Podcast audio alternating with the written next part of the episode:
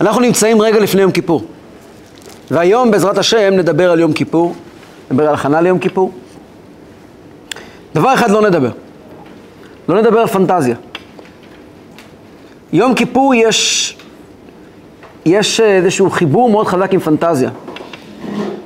ואנחנו נשתדל לנתק את החיבור הזה. ולעסוק ביום כיפור כשלעצמו, בלי פנטזיה. מה זאת אומרת פנטזיה? אז אני, אני אומר את זה בצורה הכי... כמו שאני קיבלתי את זה. ויהיה לנו, אני חושב, קל להזדהות עם הרעיון. כל מי שקצת עושה, לא עושה שקר לעצמו. המורה שלי, קראו לו הרב יואל כהן. בטח אה, רבים מכם שמעו עליו. והוא היה מדבר איתנו הרבה נגד הפנטזיה.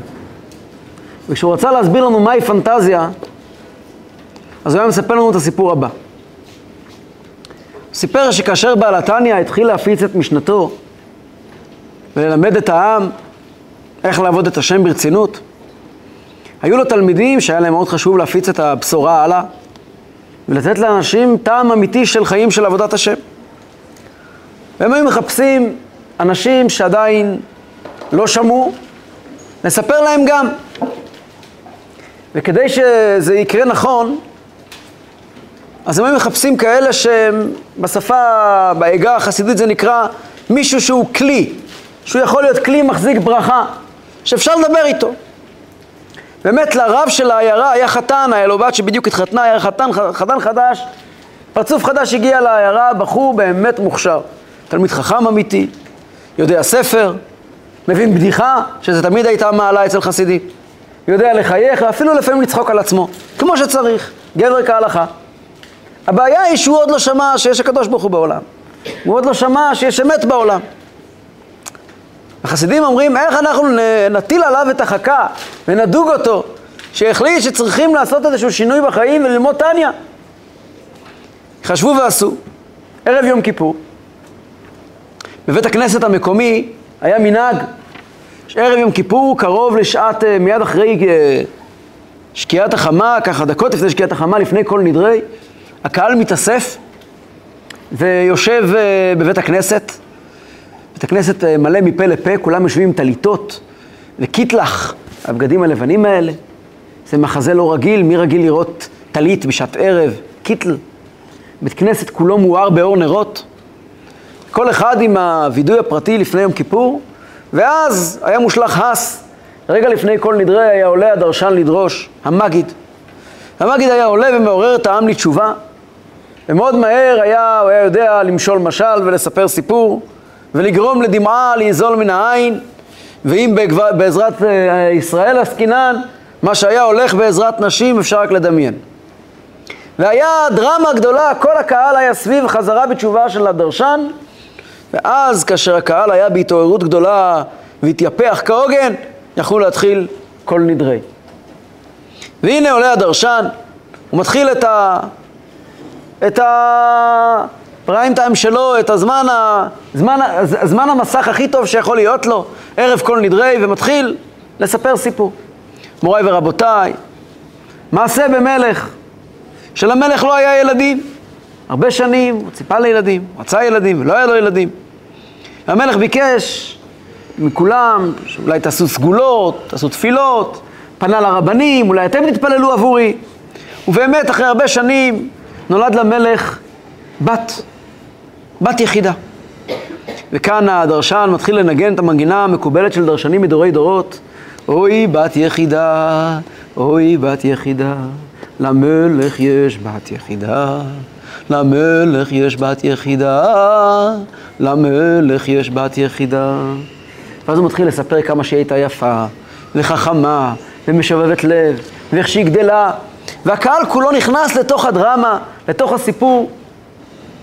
והתיאטרון ממשיך, שהוא מספר איך היא גדלה, ומתקבלת ללימודים הכי טובים, ומצליחה, וכולי וכולי. ואז מתחילים החיפושים אחרי חתן הולם. מתחילים החיפושים אחרי חתן עולה, וה, והדרשן מתאר את הדרישות מהחתן ואת החיפושים אחרי החתן בכל העולם, עד שנמצא החתן המיועד, ואז הדרשן עובר לתאר את ההכנות לחתונה ואת השמלה שקנו לה. והכל עם המנגינה המקובלת. ואז הוא מגיע לדרמה, לשיא של הדרמה. לילה לפני החתונה, אוי לילה לפני החתונה, לילה לפני החתונה. לילה לפני החתונה, בת מלך נסתה חולה. אוי אוי אוי אוי אוי, הבת מלך חולה, הבת מלך חולה.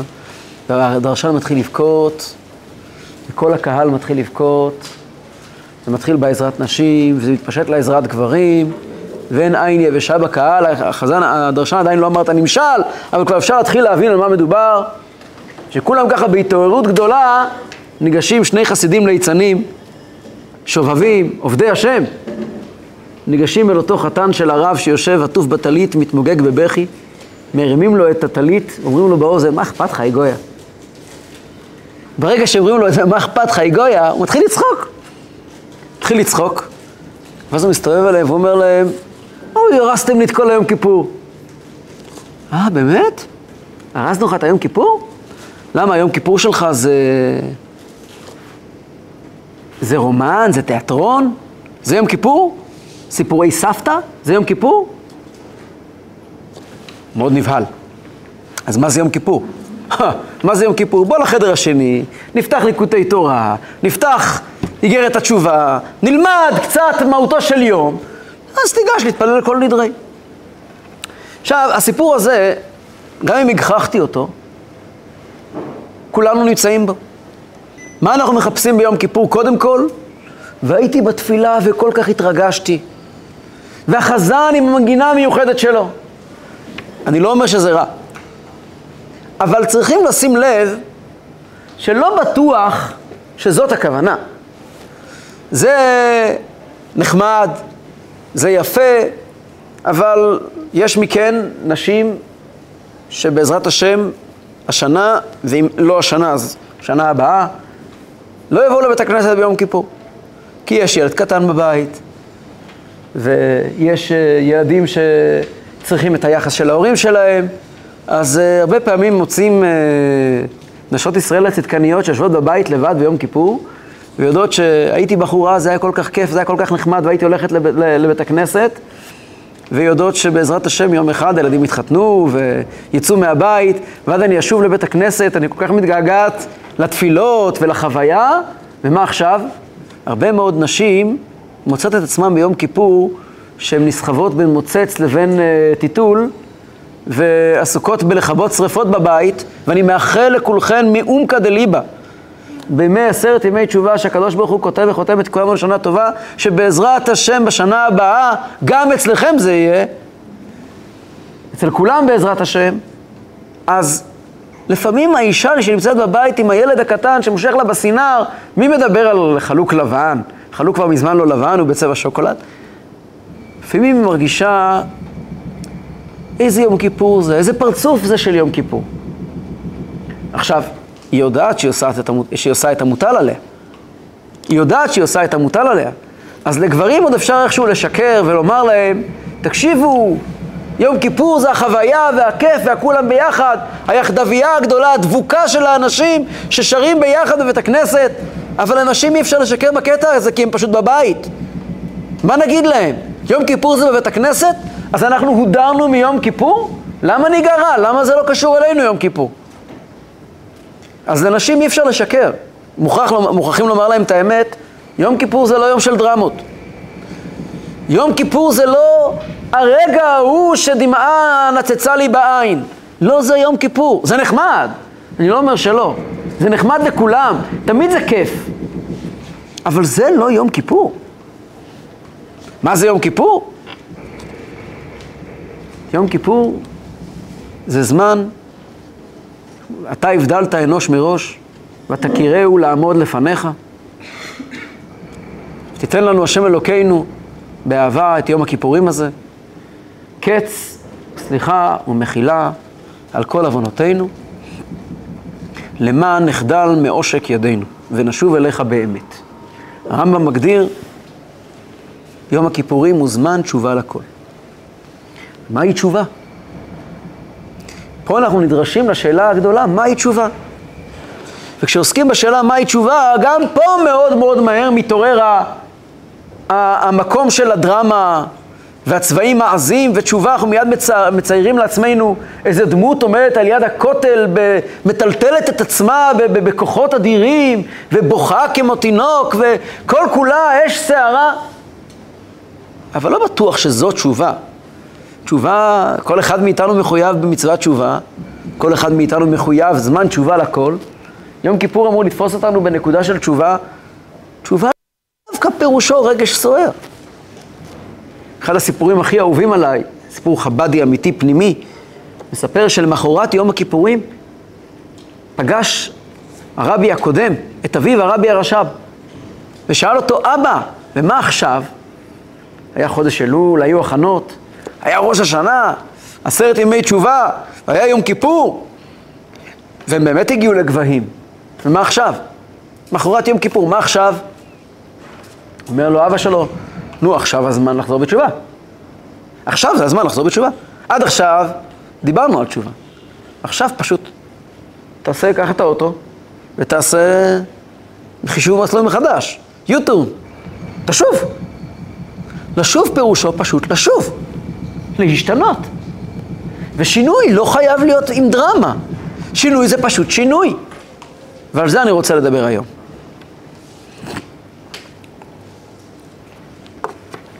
יש כמובן הבדל בין תשובה כל השנה לתשובת יום כיפור. כדי להבין את זה אני רוצה לפתוח בשתי שאלות, לכאורה שונות, אבל הם הביאו אותנו לאותה נקודה. שאלה ראשונה, כל תפילות יום הכיפורים אנחנו מתוודים, גם האישה בבית עם הילדים והטיטולים והמוצצים, גם היא תמצא לעצמה את הפינה באיזה רגע, לפחות לומר וידוי פעם אחת. מתוודים. על מה אנחנו מתוודים? שעבו ושחטו ושפשו עמך בית ישראל. מתוודים על העבירות שלנו. אבל לא יודע, ברשים בסידור שמו לנו כזו רשימה, שאני לא מוצא שום קשר ביני לבינה. אם היה תופס אותי אדם ברחוב היום, אומר לי, תשמע, אתה חתיכת פושע, אני לא רוצה לספר לכם איך הוא היה מסיים. אז למה ביום כיפור? בסך הכל מה שאמרת אתמול על עצמך. אמרת, אשמנו, בגדנו, גזלנו, דיברנו דופי. אם מישהו יגיד לך שאתה גזלן, אתה תתבע אותו לבית משפט. למה, איך אפשר להגיד את זה על עצמנו ככה? למה, למה הגישה היא כל כך שלילית? למה לא נהיה יותר ברוח חיובית, אה? למה לא ניגש ונאמר, היה בסדר, בוא נהיה יותר בסדר? למה צריכים תמיד, מי שכתב את הסידור היה פולני, מה, מה, צריכים תמיד לחפש את השלילי, את, איפה אנחנו לא בסדר, בושנו, ונכלמתי, ובושתי, ו, ואני מתבייש, למה אתה מתבייש? יש לי חבר, שליח חב"ד בכנרת, כנרת זה מושבה על יד הכנרת, שם הקבורות, אה, המשוררות הגדולות. רחל ולאה, וכל מה שאתם רוצים, כל מי שמודפס על השטרות, ועוד כל מיני אנשים כאלה שהם מעניינים מאוד, ושם אין כל כך אה, חיים יהודיים אה, רגילים, והוא מנסה להפיח שם חיים. אז הוא סיפר לי שפעם הוא היה בלוויה שם, הוא מנהל את הלוויה, בשעת הקבורה, אז אה, הוא עומד על יד הבור הפעור, בשעת כיסוי הקבורה, והוא אומר, כפי המנהג, פלוני בן פלוני, בשם החברה קדישא, בשם המשפחה, רוצים לבקש סליחה ומחילה, תסלח לנו, תמחה לנו, אם לא נהגנו בך כראוי, כל מה שעשינו לא עשינו אלא כפי המנהג, וכן, כפי שהיו נוהגים לומר. הבן של הנפטר מזיז את הרב, אומר, רגע, רגע, זוז שנייה. אבא, אני דווקא חושב שקברנו אותך מצוין. אני אומר, סליחה, הכל בסדר, קברנו אותך מצוין, הכל בסדר. מה זה הגישה הזאת? כל הזמן לבקש סליחה, על מה סליחה? מי אמר שצריך לבקש סליחה? זאת שאלה אחת. וכדי לענות על השאלה הזו, אפשר לענות עליה מהרבה כיוונים, אבל אני רוצה לשאול שאלה אחרת, מכיוון אחר לגמרי. לפני יומיים היה ראש השנה, ועל השולחן עמד ראש של דג, ראש של כבש, כל אחד כפי שמשיגה ידו. ואנחנו אמרנו בכוונה גדולה, בעצימת עיניים, יהי רצון מלפניך, שנהיה לראש ולא נהיה לזנב. מישהו פעם מבין מה זה אומר, נהיה לראש ולא נהיה לזנב? כולם פה רוצים להיות ראש? אם אנחנו בדרך כלל רוב האנשים מעדיפים שלא להיות ראש, ומוטב שכך, מוטב שכך. אנחנו מספיק סובלים מאלה שכן החליטו להיות ראש. עכשיו כולם יהיו ראש, יהיה פה ברדק אמיתי, חז"ל מספרים על אליהו הנביא שקילל פעם איזשהו בית כנסת שכולם יהיו ראש. מה זאת הברכה הזאת שנהיה לראש ולא נהיה לזנב? אז ראיתי, רבי הלל מפריץ' כותב, יש כתב יד של רבי הלל מפריץ', ששמע עליו, היה מגדולי תלמידי בעל התניא ואדמו"ר אמצעי ואדמו"ר צמח צדק. הוא כותב שהוא שמע מרבי יחיל מיכל מזלוטשוב, היה מתלמידי הבעל שם טוב. מה הפירוש שנהיה לראש ולא לזנב? הוא אומר אמירה נוקבת, עמוקה, שמאז שראיתי את זה, שבת לפני ראש השנה זה רודף אותי, ואני לא מסוגל להשתחרר מהמחשבה הזאת, כל הזמן רודף אותי. רבי הלל כותב ככה, אם חושבים על זה רגע, כל ראש הוא הרי גם זנב. אין ראש שהוא לא גם זנב. למשל, יש, אה, סיימנו, עכשיו היה הראשון בספטמבר וכולם עלו כיתה, נכון? תחילת שנה. אבל גם סיימנו שנה שעברה. עלינו, עליית כיתה פירושו שסיימנו משהו והתחלנו משהו חדש. סיום הוא התחלה. בחורה, ברוך השם, נהייתה כלה. התחילה שלב חדש בחיים. נכון, היא סיימה שלב קודם. כל ראש הוא גם זנב, אין ריק. אין בחיים מקומות שהם כעת זמן של אמצע. יש אנשים שנמצאים בין עבודות, אז זה גם עבודה, תשאלו אותם. זה גם עבודה, בין עבודות זה גם עבודה. אז מקודם היינו בזה, ועכשיו אנחנו בין עבודות, ואז אנחנו בזה. כל ראש הוא גם זנב. תסתכלו על הרכבת הקלה. יש ראש לרכבת הקלה. כל ראש הוא גם זנב. אז מה זה שנהיה לראש ולא נהיה לזנב? בפרט בשפה של קבלה, בסוד ההשתלשלות העולמות, בסוד השתלשלות העולמות בוודאי, כל סוף של דרגה זו התחלה של דרגה שאחריה. בטח מי שלמד תניא יודע, יש שכל ומידות, הסוף השכל תחילת המידות, סוף המידות תחילת המעשה. ככה זה תמיד. סוף שבוע זה תחילת שבוע, שבת מסיימת את השבוע, והיא גם ראש ומקור כל ברכה, כי היא, אה, נו, לקראת שבת אנחנו אומרים, כי היא מקור הברכה. היא מסיימת, והיא גם מתחילה. אז כל ראש הוא גם זנב. מה זאת אומרת שנהיה לראש ולא לזנב? אומר רבי הלל מפריץ', מסתבר שזה בדיוק מה שאנחנו מבקשים. כל תהליך הוא גם ראש וגם זנב. ואנחנו מבקשים לשבור את מעגל הקסמים הזה. זה בדיוק מה שאנחנו מבקשים. שנהיה לראש ולא לזנב. שנפסיק לסחוב איתנו זנבות מפעם. אנחנו רגילים כל התחלה חדשה לסחוב איתנו זנבות מהסיבוב הקודם. בשפה שלו הוא אומר את זה על פי קבלה, אני מתרגם את זה לעולם המעשה. הוא לא, הוא לא כותב את המילים האלה כמובן, הוא כותב את זה על פי קבלה, אבל זה המשמעות של זה לשפת המעשה. סיימנו עבודה, מתחילים עבודה חדשה, אנחנו מגיעים עם משקעים. מה אני טוב, במה אני לא טוב, מה אני מסוגל לעשות, מה אני לא מסוגל לעשות. אתה מתחיל עכשיו דבר חדש, תהיה לראש, אל תהיה לזנב. תנתק את כל ההקשרים הישנים, תנסה להתחיל מההתחלה. כשמתחילה שנה חדשה אנחנו מבקשים שנהיה לראש ולא נהיה לזנב. השנה החדשה, שתהיה השנה, איך הולך השיר? ששונה ו... שונה ו... שונה ויפה, ששונה. ששונה ויפה תהיה השנה, כן? אשר מתחילה לה היום. שונה! מה זה שונה? שזה לא יהיה עוד הפעם חזרה על אותו מעגל. בואו נשבור את מעגל הקסמים הזה. שנה חדשה. ראש שהוא לא זנב. יום כיפור בא בדיוק בשביל התפקיד הזה. התפקיד של יום כיפור הוא לשבור את מעגל הקסמים. התפקיד של יום כיפור הוא למען נחדל מעושק ידינו ונשוב אליך לעובדך בלבב שלם. התפקיד של יום כיפור זה יום שבא לאפס אותנו. הגישה שלנו ליום כיפור לא צריכה להיות מפטיר כדי אשתקד.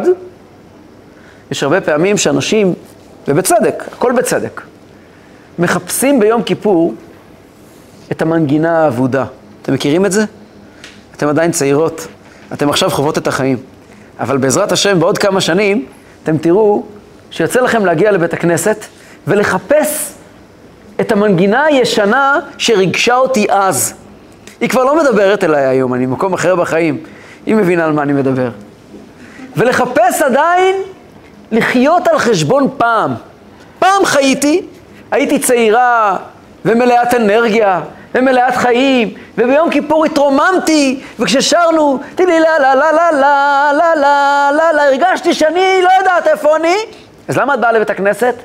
אני רוצה למצוא, אולי נשאר בתוך המנגינה הזו של ה... לך אלי תשוקתי, או של ה... או של ה... אה, עננו, השם עננו, אולי נשאר בפנים משהו, איזה זנב מפעם, איזה זנב הרינג, משהו נשאר מפעם, שאני יכולה לבוא ולחזור למה שהייתי פעם. אבל זה לא יום כיפור. יום כיפור זה לא לחזור לפעם. את מסוגלת להיות יום כיפור כשאת בבית עם הילדים? אם התשובה היא לא, כנראה שצריכים לחזור ליסודות וללמוד מהו יום כיפור. יום כיפור יש חזן, יש בית כנסת, יש אולי גם מקהלה, ויש מנגינות משבבות לב, ויש מופע סליחות לאור הלילה וכל מיני אה, אה, זמרים גדולים. יש המון דברים ביום כיפור, אבל אם זה יום כיפור אז זה לא ראש, זה זנב. אנחנו עסוקים בנוסטלגיה. אנחנו מחפשים את המנגינות של פעם. שוב, זה לא דבר רע, זה דבר יפה, אבל כתומך לחימה, לא עבור זה התכנסנו. לא זה יום כיפור. יום כיפור זה להתחיל מחדש. יום כיפור פירושו לא להגיע, הצלחתי להגיע לחוויה המסוימת שאני רגילה אליה, או שלא הצלחתי להגיע לשם. זה לא הנושא. החיים שלנו רציניים מספיק כדי שפעם בשנה נעצור ונחשוב אנחנו לאן? והחשיבה הזאת היא כל כך נורמלית. היא כל כך לא מצועפת בדוק של פרצוף כזה שתופס מלאכים. הכי תכלס שיש, הכי, טכני שיש. הייתי אומר עם דף ועט. איפה הייתי ולאיפה אני רוצה להמשיך. לזה קוראים תשובה. ולמחרת יום הכיפורים, ועכשיו תמשיך לאיפה שאתה רוצה להמשיך. המנגינות, הרעש מסביב. שוב, שלא יצא מכאן עכשיו שיום כיפור צריכים ללכת לחפש חוויות חדשות. זה עוזר, כי בסוף אנחנו רוצים לחזור הביתה. אבל איפה הבית? אחד מהפסוקים הכי מרכזיים בסליחות לפחות אצל האשכנזים, פותחים את ארון הקודש כשאומרים אותו. השיבנו השם אליך ונשובה, חדש ימינו כקדם. לכאורה אנחנו מבקשים כאן, בוא נהיה פעם. אגב, קטע לפני כן זה, אל תשליכנו לעת זקנה, ככלות כוחי אל תעזבני. אני תמיד מזהה בבית הכנסת את האנשים שבפסוק הזה הם רועדים, רועדים מפחד. הם חושבים על בית גיל פז. אבל מעולם לא, אין קשר בין הפסוק הזה לבין בית גיל פז. גם לא לאף חברה אחרת. מה זה הפסוקים האלה? שמע קולנו השם אלוקינו, חוס ורחם עלינו, וקבל ביחמי ורצונות תפילתנו, אני מבין. השיבנו השם אליך ונשובה, חדש ימינו כקדם, אל תשליכני לעת זקנה ככלות כוחי אל תעזבני, ויש שם עוד פסוק, נו, אה, אל תשליכני מלפניך, ורוח קודשך, או פפה, מתי היה לך בדיוק רוח הקודש? ורוח קודשך אל תיקח ממני. היה בי רוח הקודש? טוב, אה, לפעמים לומדים דברים חדשים תוך כדי אמירת סליחות. בפסוק הזה אנחנו די מנסים קצת להיאחז בעבר, לא? אל ת... אני לא רוצה להזדקן, אני רוצה לחזור ל... לקדם, אני רוצה, אני מתגעגע לשנים כשהייתי צעירה והייתי בבית הכנסת. אתם צעירות, זה טוב לדעת את זה עכשיו, כי אתם תתגעגעו לשנים האלה. אז תנצלו כל רגע. אל תשליכני לעת זקנה וכקדם, ומדברים פה על איזה רוח קודשך שנמצאת בתוכנו, ושאל תיקח ממנו. האמת היא שהפסוקים האלה מדברים בדיוק על מה שדיברנו כעת. וזו תפילה, תפילה נוראה, כמו שכתוב. במחזורים מסוימים יש תפילה נוראה, זו תפילה נוראה. המילים האלה, השיבנו השם אליך ונשובה, הם בסך הכל הדהוד של משהו שכבר אמרנו לפני חודשיים. מתי אמרנו השיבנו השם אליך ונשובה? מישהו זוכר? השיבנו השם אליך ונשובה, חדש ממנו כקדם? לא, אומרים את זה בסליחות, אבל זה מסכם, זה פסוק של סיכום של משהו. מגילת איכה. בתשעה באב ישבנו וקראנו את מגילת איכה. מגילת איכה מסתכמת בפסוק השיבנו השם אליך ונשובה, חדש ימינו כקדם.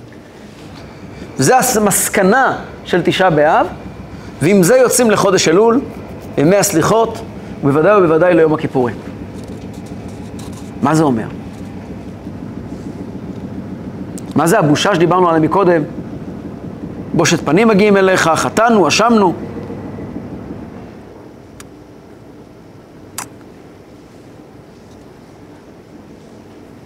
יש בגמרא לשון, אצל uh, חלק מהקהילות, זה גם נמצא בפיוט המפורסם, אחות קטנה. תכלה שנה וקללותיה. בפיוט גם כן יש תוספת, תחל שנה וברכותיה. אבל המקור זה תכלה שנה וקללותיה. בגמרא נאמר שזו הסיבה שקוראים את פרשת כי תבוא לפני ראש השנה, כדי תכלה שנה וקללותיה. אומרים את כל הקללות כדי לסיים את השנה עם קללה. כן, זה הפירוש בגמרא. מה זה, מה שאתה חוזר, קודם כבר שאלתי, למה אנחנו חייבים להיות כל כך אנשים רציניים, כואבים וכועסים, ושמסתיימת שנה צריכים להגיד שהייתה נוראה ואיומה, ולבקש שנה חדשה לחלוטין? אז כבר הזכרתי מקודם, כבר דיברנו על זה מקודם, שאנחנו מבקשים להיות לראש ולא לזנב להתחלות חדשות. כדי שתגיע התחלה חדשה, כדי להתחיל מחדש, אני מוכרח לסגור את כל הברזים הפתוחים. כדי לקבל update בטלפון, אני חייב לאפשר שם אפשרות של נדידת נתונים, של לקבל את העדכון. אי אפשר להישאר עם כלים של פעם ולהתחדש ביחד. כדי להתחדש, אני מוכרח להסתכל אחורה ולחוש תחושת מיצוי, תחושת שובע עם מה שכבר עברתי. אחרת אי אפשר להתקדם. אם אני רוצה לטפס במדרגות, אני שם רגל על מדרגה עליונה ומרים את הרגל מהמדרגה התחתונה. אני לא יכול להישאר גם וגם. הרבה פעמים רואים אצל ילדים, יש להם קושי להתנתק ממצב מסוים. הקדוש ברוך הוא נתן לנו מנגנון, ילד רוצה להיות גדול, זה מזל. שילדים אומרים אני רוצה להיות גדול, רוצים להיות גדולים. אבל הרבה פעמים יש להם קושי להתנתק ממצב מסוים, בטח אם נולד איזה אח קטן בבית. אז הם נזכרים בזנב, נזכרים במה שהיה אז ורוצים לחזור לשם, ואנחנו רוצים כל הזמן לגרום להם לגדול. אם אנחנו רוצים לסיים שנה ולהתחיל שנה חדשה, אנחנו חייבים להרגיש כמו שילד בכיתה א' מרגיש שהוא בא לביקור בגן. לא רק געגוע. גם סוג של, אוקיי, סיימתי מזה ואני לא רוצה להיות שם יותר. לא כי היה רע בגן, כי אתה כבר בכיתה א'. וכמו שמי שנמצא, ב...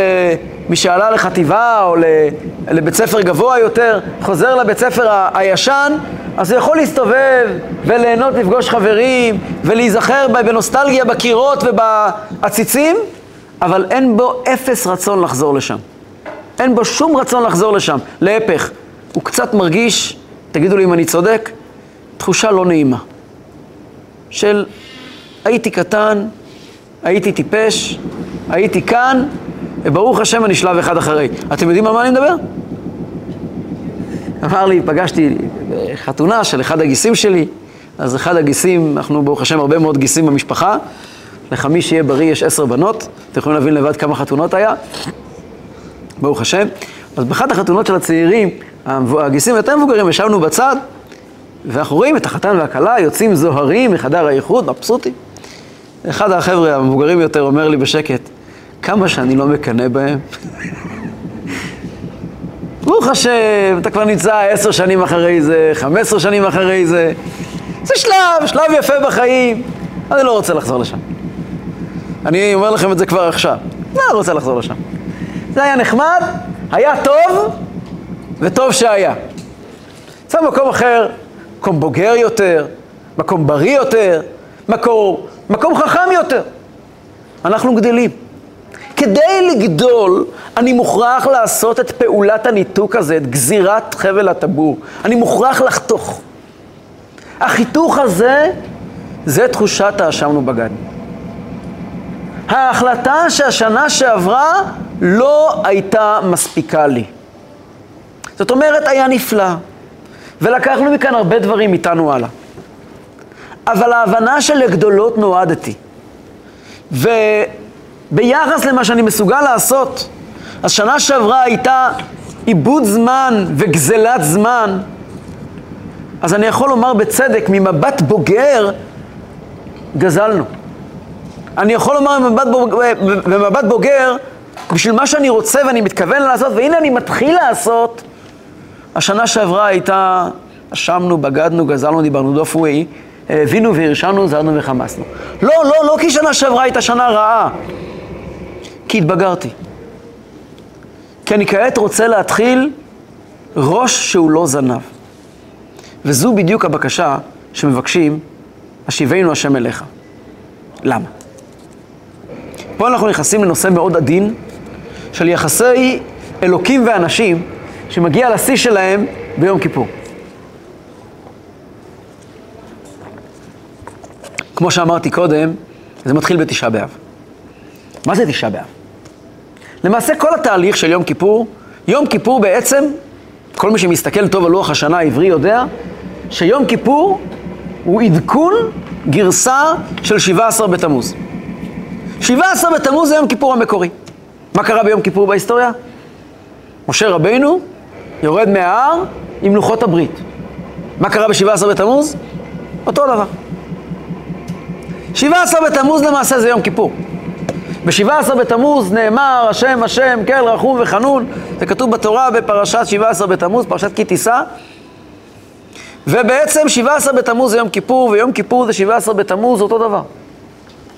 17 בתמוז משה רבינו יורד מההר עם הרבה מאוד ציפיות מאיתנו, ומגלה שאין עם מי לדבר. וכשהוא מגלה שאין עם מי לדבר והמצב לא כל כך נעים, הלוחות נשברות. מה בעצם קורה שם? אז באופן כללי, במילה אחת, הסיפור הוא כזה. חג השבועות, הקדוש ברוך הוא מדבר איתנו. ב-17 בתמוז מצפים מאיתנו פידבק. ומה יש לכם לומר? יצא לכם פעם להיות בהופעה שהזרקור הוא על הזמר, והקהל מוחשך ולא רואים אף אחד, ופתאום הזמר מוריד את הרמקול לקהל ומדליקים את האורות, מכירים כזה? זה מה שהיה ב-17 בתמוז. עד עכשיו היה הופעת יחיד של משה רבינו, עומד על הר סיני, ההר עומד למטה, נעשה ונשמע, האור על ההר, ההר בוער באש, חושך ענן וערפל, שמחה רבה.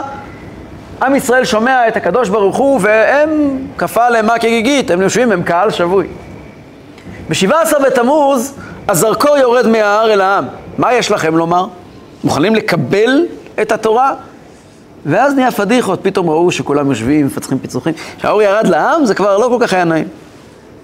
אם נגיד את זה בשפה יותר פשוטה ויותר נוגעת לכל אחד, יש חלקים בחיים שבהם מוליכים אותנו. ויש רגע בחיים שפתאום הזרקור עובר מאיזשהו הנהגה גבוהה, איזשהו מורה, בית ספר, סיסטם, ופתאום הזרקור עובר אליי, ואני מוצא את עצמי איש קטן, אמור לקבל החלטות לבד, אמור להסתדר בחיים, אמור להחליט אה, במה לעבוד ואם לעבוד, ועם מי להתחתן, ומה לעשות היום ומה לעשות מחר, ואני בעל הבית מלא על הזמן שלי, ואני לא מכיר בן אדם שהמעבר הזה עובר אצלו חלק. אצל כולם המעבר הזה כרוך בכאב נוראי. אני טועה? מישהו מכיר את המעבר הזה? המעבר הזה קוראים לו 17 בתמוז. זה מעבר ממתן תורה לקבלת התורה. זה מעבר מאוד מאוד קשה. בזמן המעבר הזה בדרך כלל תופסים אותנו לא מוכנים. כי אם אנחנו מוכנים, כנראה לא עשינו את המעבר. יש כאלה שמקבלים את גיל ההתבגרות בגיל, בשלב יותר מאוחר, ילדים טובים, נשארים ילדים טובים, ממשיכים להתנהג כמו ילדים טובים. אם אין את השבר הזה של המעבר ממצב של מקבל מוחלט למצב של אדם עצמאי, אם אין פה שבר בדרך, משהו פה לא עובד נכון. באופן הכי טבעי חייב להיות מרד נעורים. באופן הכי טבעי חייב לקרות משהו כשבן אדם מגלה שהוא נמצא כאן לבד. ושאין על מי לסמוך. שמגלה לראשונה שההורים שלו הם לא כאלה איי איי איי, וגם המורים שלו לא. ובסוף הוא צריך לקבל החלטות לבד. המעבר הזה הוא מעבר נורא מפחיד, כולם חייבים לעבור אותו, ולהתחיל לבנות את עצמך מחדש. תהליך הבנייה לוקח עשרה שבועות, שהם למעשה תלתא דפורענותא ושיבא דנחמתא, לא ניכנס כעת לכל הפרטים, אבל זה מהלך שבשלושה חלקים הראשונים שלו, שנקראים בימינו שלושת השבועות או בין המצרים, זה מהלך של התנתקות מהעבר. להבין שמה שהיה לא יהיה עוד. זה מאוד מאוד כואב, זה מאוד מאוד קשה. לגלות, זה כמו ששן נופלת, שן נופלת כי שן חדשה מתחילה לבקוע. גיל ההתבגרות, אנחנו עוברים המון שינויים, כי משהו חדש מתחיל. שלושת השבועות האלה, בין 17 בתמוז לתשעה באב, הם תהליך של הבשלה פנימית שגורם לנו מיאוס וכאב והרגשה שמה שהיה והטוב שהיה לעולם לא יחזור להיות עוד הילד המתוק והחמוד של כיתה ב'. לא יחזור להיות עוד ילד חמוד, חמוד ומתוק. והשיא של הכאב זה בתשעה באב, כשאנחנו צועקים, אנחנו רוצים חזרה הביתה. השיבנו השם אליך ונשובה, חדש ימינו כקדם. אבל השיבנו השם אליך ונשובה הזה, זה לא נוסטלגיה. זה לא נוסטלגיה. זה לא אנחנו רוצים לחזור חזרה למתן תורה, להיות ילדים טובים תחת ההר. אנחנו לא רוצים חזרה לחזור להיות ילדים חמודים שמשחקים בגינה עם, ה, עם בייביסיטר. אף אחד מאיתנו לא רוצה לחזור להיות שם. מוכנים לשלם את המחיר, את הכאב, את האחריות, את כל מה שאומר להיות אדם בוגר, ובלבד שלא לחזור פעם. המילים השיבנו השם אליך ונשוב וחדש ימינו כקדם, הם קריאה לפיוס. לא שומע. אני לא שומע. על זה אני מנסה לדבר. אנחנו, אולי כשאני אסיים יהיה לנו יותר קל להבין מה, ואז גם כן להבין מה את שואלת. הקריאה שיבנו השם אליך ונשובה פירושו אבא שבשמיים, אני מזמין אותך לדיאלוג חשוף, לדיאלוג חשוף. אני רוצה לדבר איתך, פנים בפנים. השיבנו השם אליך ונשובה, אתם יודעים מה פירוש המילים חדש ימינו כקדם? בדיוק הפוך מאשר נחזור אחורה. יש קדם יש ימי קדם ויש ימי עולם. יש פסוקים שמדברים איתנו על ימי עולם, ויש פסוקים שמדברים על חדש ימינו כקדם, או ב-13 מידות הרחמים שאומרים ביום כיפור, במפטיר יונה, או בשבת, בשבת תשובה, מדברים על אשר נשבעת לאבותינו מימי קדם. מה זה ימי קדם? מה זה ימי עולם? ימי עולם זה הדרך הרגילה שהעולם מתנהל. העולם מתנהל לשבעה ימים. שם חסד, גבורה, תפארת, נצח, עוד יסוד מלכות, שבעת היסודות שהעולם עומד עליהם. יש איזשהו, איזשהו סיסטם שהחיים עובדים לפיהם. כשבן אדם מאבד את הסיסטם, כשבן אדם מגלה שפתאום יום ראשון הוא לא יום ראשון ושבת היא לא שבת, ומישהו שבר לי, מישהו לקח לי את הגבינה ושבר לי את הסדר יום והרס לי את החיים, ופתאום אני עומד לבד, פתאום אני נזכר שיש משהו לפני כן. אשר נשבעת לאבותינו מימי קדם. ימי קדם זה לא ימי עולם. ימי קדם פירושו, השיחה האמיצה של האבא והבן נשמעת בדיוק ככה. כשאבא מגיע ואוסף את הבן מאיפה שהוא אוסף אותו, הם מחליטים בכל זאת להיפגש אחרי כמה שנים של נתק, הם מתיישבים בבית קפה כאן בשכונה, השיחה מתחילה במילים האלה, ולא משנה אם האבא אומר את זה או הבן אומר את זה. בן שלי, בכלל לא משנה מה עשית. אני אבא שלך. קודם כל, אנחנו אבא ובן. ככה מתחיל שיח בוגר. זאת לא מחילה במובן של לא היה. זאת מחילה במובן של בוא נבנה קומה חדשה על בסיס מה שהיה, בלי תלות במה שהיה. כשהאבא אומר לבן והבן אומר לאבא, אבינו מלכנו, אבינו אתה, שאומר הבן לאבא, בכלל לא רלוונטי העובדה שאני לא הלכתי במסלול המאוד מדויק שאתה תכננת עבורי, והעובדה שאני נשרתי פה ובלבלתי שם ועשיתי כאן ושם טעויות, לא אמורה לנתק את העובדה שאנחנו מימי קדם, שאנחנו אחד. ימי עולם הרסתי. להגיד שהלכתי כפי שתכננת? לא. אבל חדש ימינו. בואו נחדש את היחסים בינינו כקדם, כמו שהורה בוגר אומר לילד בוגר, או ילד בוגר אומר להורה בוגר, צריכים ששניהם יהיו בוגרים, בהרבה מקרים לפחות אחד מהצדדים לא בוגר, ואז מתחילים צרות. כמו שהורה בוגר מדבר עם ילד בוגר, השיח הוא, אתה ילד שלי ואני לעולם לא אוותר עליך, גם אם הבחירות שלך שונות ממה שאני הייתי רוצה. כי הבסיס שלנו הוא לא על בסיס התנהגות, הוא על בסיס קרבה. אנחנו משפחה. אבא ובן, אימא ובת, אימא ובן, לא משנה. אנחנו משפחה.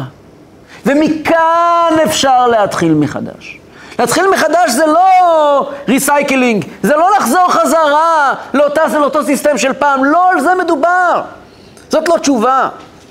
חדש ימינו כקדם פירושו, בואו נדבר כשני מבוגרים ונחשוב אנחנו לאן. כי זאת בעיה אמיתית של שנינו. זאת בדיוק התפילה. השיבנו השם אליך, תפתח לנו שער. נכון, יש את כל הסיבות שלו, אבל יש עוד סיבה. והסיבה האמיתית היא שאנחנו אחד. והשיבנו השם אליך ואני מבטיח ונשובה, נשובה לא פירוש, אני לא, לחזור, אני לא הולך לחזור להיות ילדה מתוקה עם, אה, עם שתי קוקיות וגומ, וגומות חן. ונשובה להיות מי שאני, מולך. חדש ימינו, בוא נתחיל מההתחלה. למה? כקדם. כשהייתי בייבי בידיים שלך, לא שאלת איך התנהגתי. גם אם הפרעתי לך לילות שלמים לישון, החזקת אותי כל הלילה. כי אנחנו אחד. וזה ההמשך. אל תשליכנו מלפניך.